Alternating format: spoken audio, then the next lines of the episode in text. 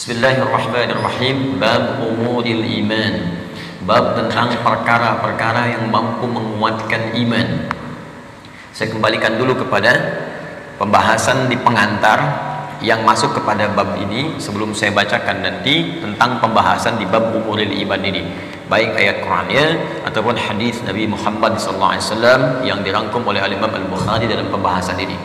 Jadi Bapak Ibu sekalian Sebelum membahas tentang hal-hal terkait penguatan iman, saya ingin ingatkan kembali tentang dua hal yang sangat penting.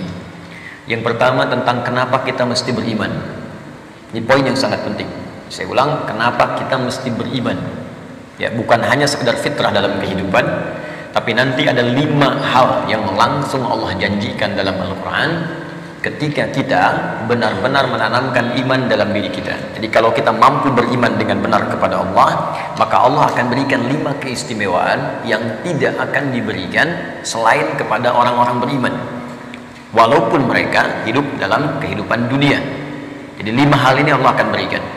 Yang pertama, ada jaminan langsung Allah berikan kepada orang-orang yang yakin tanpa ragu dengan Allah yaitu beriman kepada Allah bahwa ia mendapatkan kabar gembira langsung dari Allah memiliki setengah bagian dari dua hal yang dibutuhkan untuk masuk surga.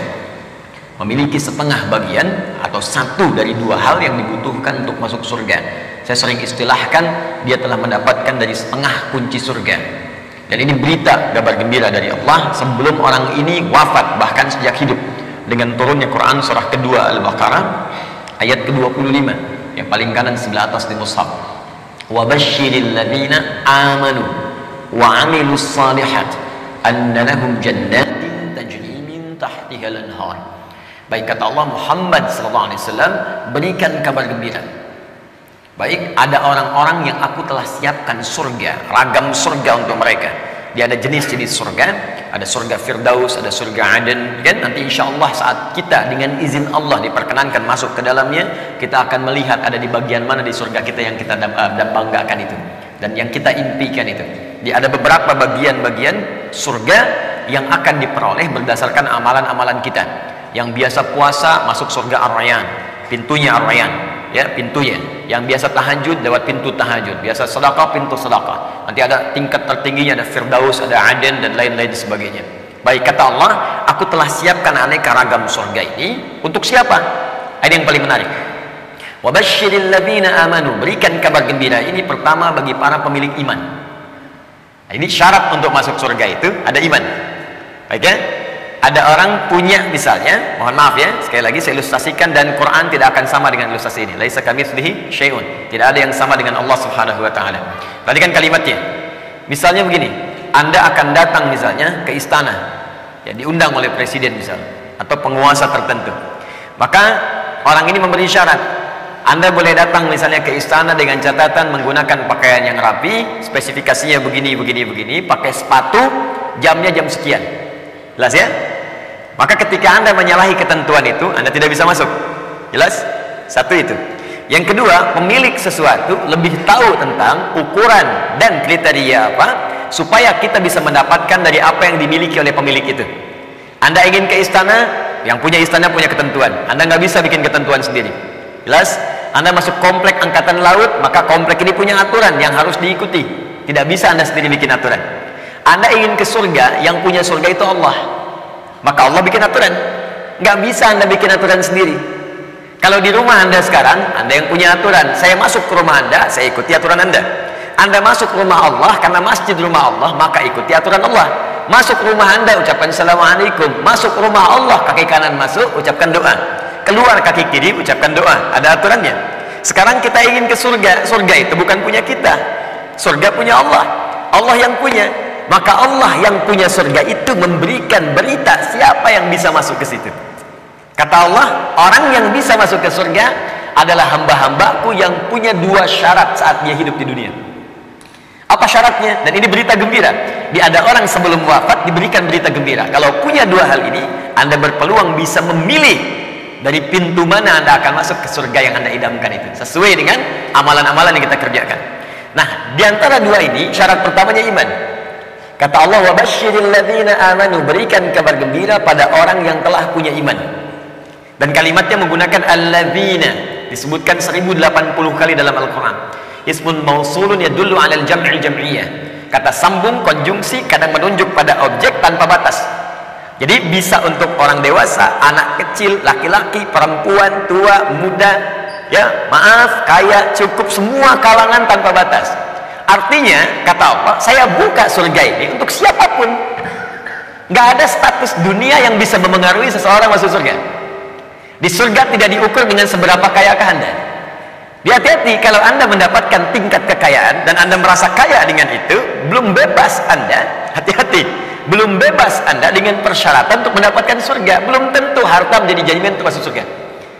Anda punya kedudukan tinggi setinggi apa pun tapi kedudukan itu tidak otomatis tidak otomatis menjamin anda masuk surga. Karena syarat masuk surga bukan kedudukan. Kalau syarat masuk surga kedudukan Fir'aun paling duluan masuk surga. Namrud lebih duluan masuk surga. Jelas? Baik karena syarat masuk surga itu kaya maka korun itu paling depan masuk surga. Tapi ingat syarat surga kata Allah bukan kekayaan bukan kedudukan. Dia jangan bangga dulu kalau punya kedudukan tinggi atau harta melimpah karena itu belum jadi ukuran kebaikan di hadapan Allah subhanahu wa ta'ala kecuali nanti kedudukan harta itu diisi dengan iman iman itu yang akan menunjukkan harta dan kedudukan untuk mengerjakan amal soleh sebagai bekal ke surga maka golongan pertama kata Allah, saya berikan kesempatan yang luas. Baik itu tua, muda, laki, perempuan, besar, kecil, kaya, cukup, semua punya peluang ke surga. Dan itu hanya diberikan dengan satu kata saja, alladzina. Semuanya. Tapi dari semua itu, aku hanya minta dua syarat saja. Satu, semua kalangan itu punya iman. Yakin denganku kata Allah, yakin tanpa ragu. Dia berbahagialah kalau sampai dengan siang hari ini kita diberikan nikmat iman oleh Allah Subhanahu wa taala. Itu kenikmatan luar biasa. Dan kita mendoakan saudara-saudari kita supaya mendapatkan bagian itu. Karena itu sering kali saya membuka ta'lim dengan berdoa, Ya Allah, berikan hidayah kepada saudara-saudari kami, tetangga kami, kerabat kami, teman kami di kantor yang sampai hari ini belum beriman kepadamu, belum mengucapkan syahadat. Berikan kekuatan pada jiwanya untuk bersyahadat sebelum wafat. Alhamdulillah, Anda mungkin tetangga Anda nggak semuanya beriman. Ya, ada yang misalnya A, ada yang B, ada yang C, tahajud malam dalam sujud minta. Minta. Ya Allah, Engkau satukan kami di dunia sebagai tetangga dan pertemukan kami kembali di akhirat ya Allah. Jangan pisahkan kami. Berikan dia hidayah. Doa itu yang tidak diketahui oleh orang yang didoakan, mungkin itu yang lebih cepat menghujam pada jiwanya. Kami di taklim di Bekasi itu selalu membiasakan meminta kepada Allah ya setiap malam Jumat kita minta berusaha berusaha Alhamdulillah hampir setiap pekan ada yang masuk Islam kemarin seorang ibu dengan tiga orang anaknya masuk Islam begitu selesai taklim teman datang lagi satu orang lagi diantar oleh suaminya dia masuk Islam lagi Masya Allah jadi Alhamdulillah kita tidak tahu siapa yang mendapatkan hidayah. Tapi kita bisa berdoa kepada Allah untuk memohon untuk memberikan hidayah. Satu.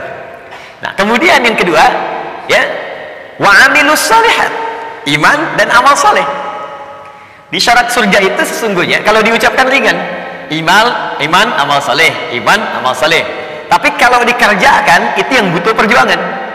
Dan ini gambaran di Quran itu indah ya. Ini sekaligus isyarat wawunya ma'iyah pak. Bu ma'iyah itu sesuatu yang bersanding nempel.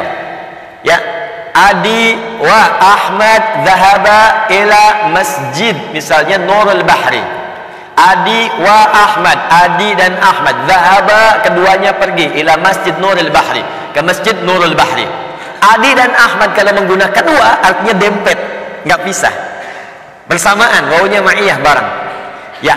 Allah menyampaikan wa basyiril ladzina amanu wa amilus salihat syarat untuk masuk surga itu dua duanya bersamaan. Nggak bisa berdiri salah satu.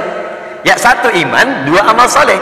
Nah kalau kita baca dengan kaidah ilmu nahu otomatis keduanya ini akan saling terkait berkelin dan memengaruhi. Artinya orang yang beriman pasti beramal soleh. Artinya amal soleh itu nggak mungkin muncul kecuali dari iman. Kalau amal semua beramal. Ya yang belum beriman pun bisa beramal. Tapi belum tentu disebut soleh ingat. Ya tayyib mungkin non muslim bisa mendapatkan tayyib ya khair mungkin karena baik itu banyak di Quran ada khair awas ada tayyib hati-hati ada ma'ruf, ada ihsan, ada saleh. Lima. Tayyib, kebaikan fisik. Ya, kalau Anda makan yang sehat, yang menyehatkan, yang dibutuhkan itu tayyib namanya. Itu anjuran di Quran surah kedua ayat 168. Kata Allah kalau ingin cari makan, tidak semua yang diinginkan mesti dikonsumsi. Cari yang menyehatkan untuk tubuh. Ya ayyuhan nasu kulu mimma fil ardi halalan thayyiba. Hei semua manusia, ini rumus dalam Al-Qur'an, universal sifatnya. Kalau Anda ingin menyebar di bumi untuk cari makan, silahkan kalau sudah dapat dengan cara yang halal, jangan melanggar ketentuan hukum di mana kamu tinggal. Dapat dari situ berikan yang bermanfaat untuk tubuh. Tidak semua yang diinginkan itu harus dikonsumsi. Yang dibutuhkan itu yang didapatkan. Haus berarti butuh minuman. Yang penting minum. Tidak semua yang diinginkan harus kita minum. Alhamdulillah ada air bening, minum ya minum. Jangan menyulitkan diri sendiri pesan sesuatu yang tidak ada. Akhirnya membuang banyak tenaga dan waktu dan membuang peluang amal baik yang mungkin kita kerjakan seketika. Sudah ada air bening, pengen jusnya, wah masya Allah buah naga, naga yang dari Hongkong misalnya. nyari nyari, nggak ketemu muter-muter sampai sore. Jam 5 baru dapat. Dari siang sampai jam 5 itu mungkin bisa dipakai apa gitu. Bisa tilawah, bisa baca, bisa berkreasi macam-macam. Baik itu tayyib. Karena itu kalau anda bertanya pada orang Arab, kaif haluk ya akhi, apa kabar? Dia katakan, Alhamdulillah anak tayyib. Artinya dia sehat. Kuat. Yang kedua, ada khair, itu sifat. Sifat baik, sifatnya. Ya, jadi kadang-kadang kan ada yang fisiknya sehat, tapi kan pikirannya nggak bagus. Ya, tampilan bagus, pakai jas, pakai dasi, luar biasa gitu kan? Tapi pencuri juga. Ya, penipu juga. Nah, kalau kita ingin rubah menjadi baik sifatnya, maka rubah kalimatnya menjadi khair khair ya karena ada bang Tayyib dua kali puasa dua kali puasa nggak pulang-pulang padahal dia sehat kan nah kalau kita ingin rubah pada sifat jadikan khair Quran surah 3 ayat 110 kuntum khaira ummah. Orang Islam itu pasti sifatnya baik. Kata Allah kalian umat terbaik. Sifatnya. Jujur sabar tawadu. Ini kalau ada orang itu jujur orang Islam tuh mesti lebih jujur. Kalau ada orang sabar orang Islam lebih sabar. Kalau ada orang tawadu rendah hati, yang muslim itu pasti lebih rendah hati. Cukuplah keislaman kita menjadikan kita baik, punya sifat baik. Ini aneh sebetulnya kalau ada orang Islam tidak baik itu aneh. Karena semua ajaran di Quran membimbing kita jadi baik, Pak, Bu.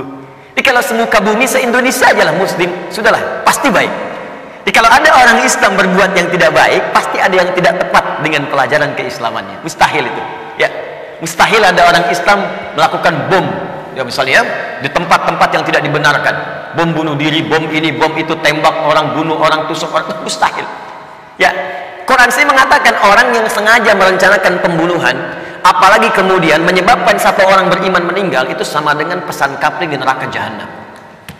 Buka Quran surah keempat An-Nisa ayat 92 sampai 93 wa may yaqtul mu'minan muta'ammida fajaza'uhu jahannam. Maka siapa pun yang merencanakan pembunuhan apalagi pada satu orang korbannya orang beriman maka balasan yang setimpal untuknya neraka jahanam kalau tidak dia bertobat ya wa ghadiballahu alaihi Allah murka kepadanya wa la'anahu melaknatnya wa a'addalahu azaban azima dan dijanjikan di neraka azab yang berlipat lebih daripada orang biasanya neraka jahanam lagi pertanyaan saya orang beriman mana yang cita-citanya punya pengen masuk neraka jahanam tunjukkan pada saya Mustahil. Dan bagaimana bisa bertobat kalau saat meledakkan diri itu dia meninggal?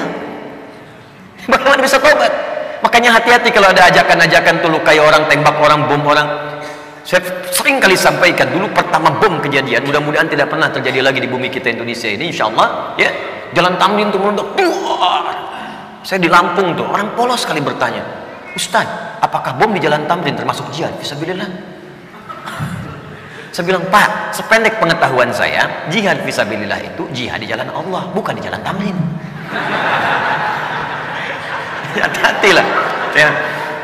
Eh kita balikan. Jadi satu itu iman, ya. Nah, kaidahnya adalah kemudian kembalikan. Tayyib khair. Khair itu baru sifat, jujur itu sifat. Kalau sifat kemudian diaktualisasikan dalam bentuk sikap, maka berubah dari khair jadi ma'ruf namanya.